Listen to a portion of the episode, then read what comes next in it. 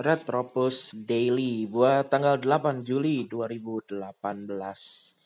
Hari ini nggak ada pertandingan sampai tanggal berapa ya? 11 kalau nggak salah.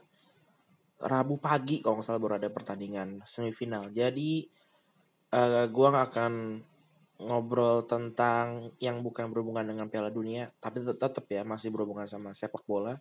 Tentu saja.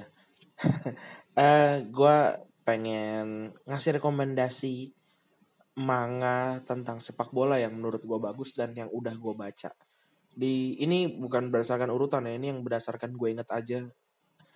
Um, manga pertama adalah Giant Killing. Giant Killing manga bertemakan manajer yang uh, jarang banget manga sepak bola yang ngangkat dari sisi manajerialnya gitu. Nah, Giant Killing ini bagus banget sih. Gue gue suka karena si karakter utamanya anjir gue lupa lagi karena udah lama banget nih volume 45 nggak keluar keluar uh, ini tuh mantan mantan pemain sepak bola terbaik Jepang lah ceritanya gitu. Tapi tiba-tiba dia cedera di uh, awal karir belum sampai umur baru umur 29an kalau nggak salah deh. Eh bukan di awal karir lah ya di puncak karir gitu.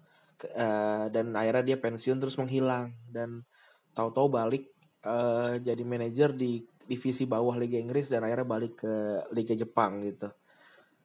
Um, seru banget um, apa ya ini banyak apa point of view sih dari si manajernya terus dari ada pemain favoritnya manajer ini yang yang masuk ke timnas dan lain-lain kayak gitu.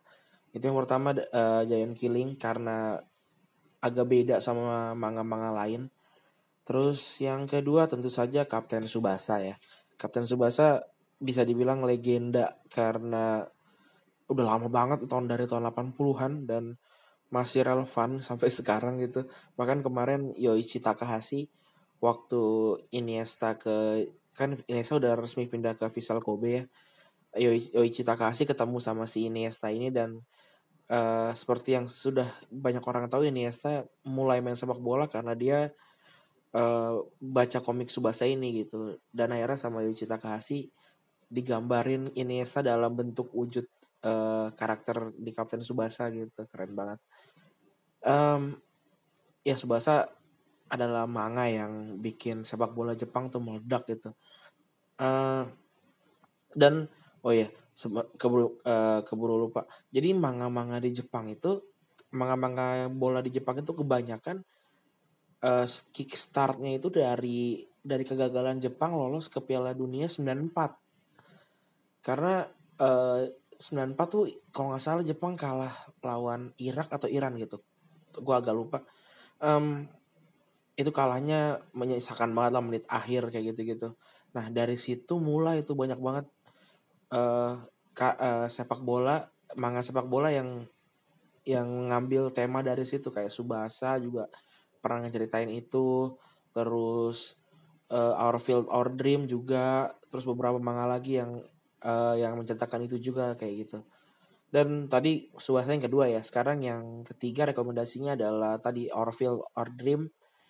Uh, ini standar cerita sepak bola apa ya ini sepak bola di di klub di klub profesional gitu. Si karakter utamanya pindah ke Argentina kalau nggak salah. Uruguay ya Argentina.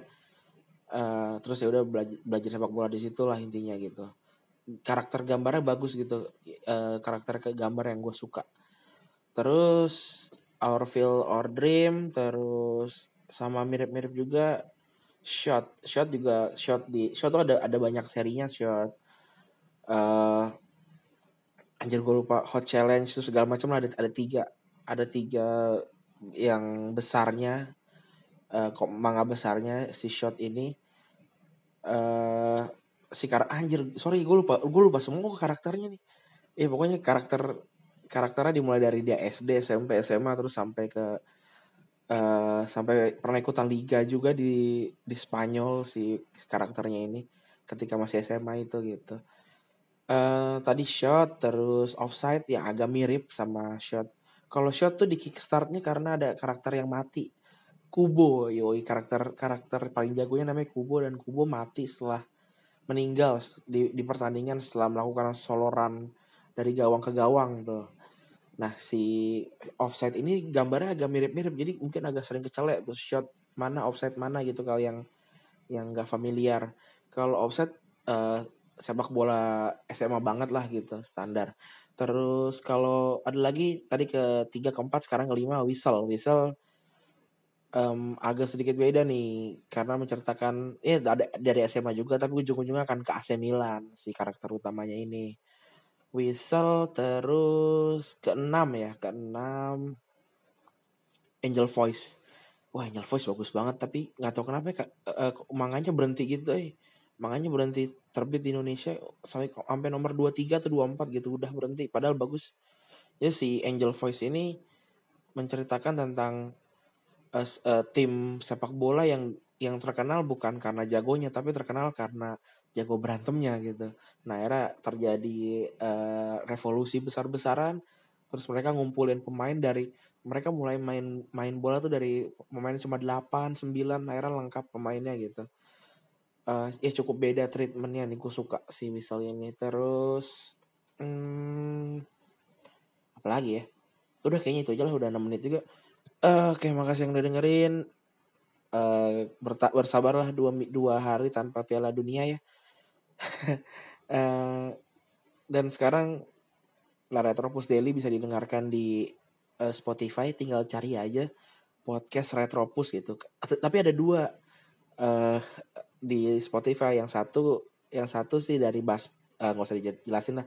Intinya, intinya ada dua karena gue uh, submit dua di di domain berbeda gitulah intinya. Tapi akan gue hapus satu biar gak terjadi kebingungan seperti itu. Makasih yang udah udah dengerin. Eh makasih yang udah dengerin. Uh, see you next time. Bye bye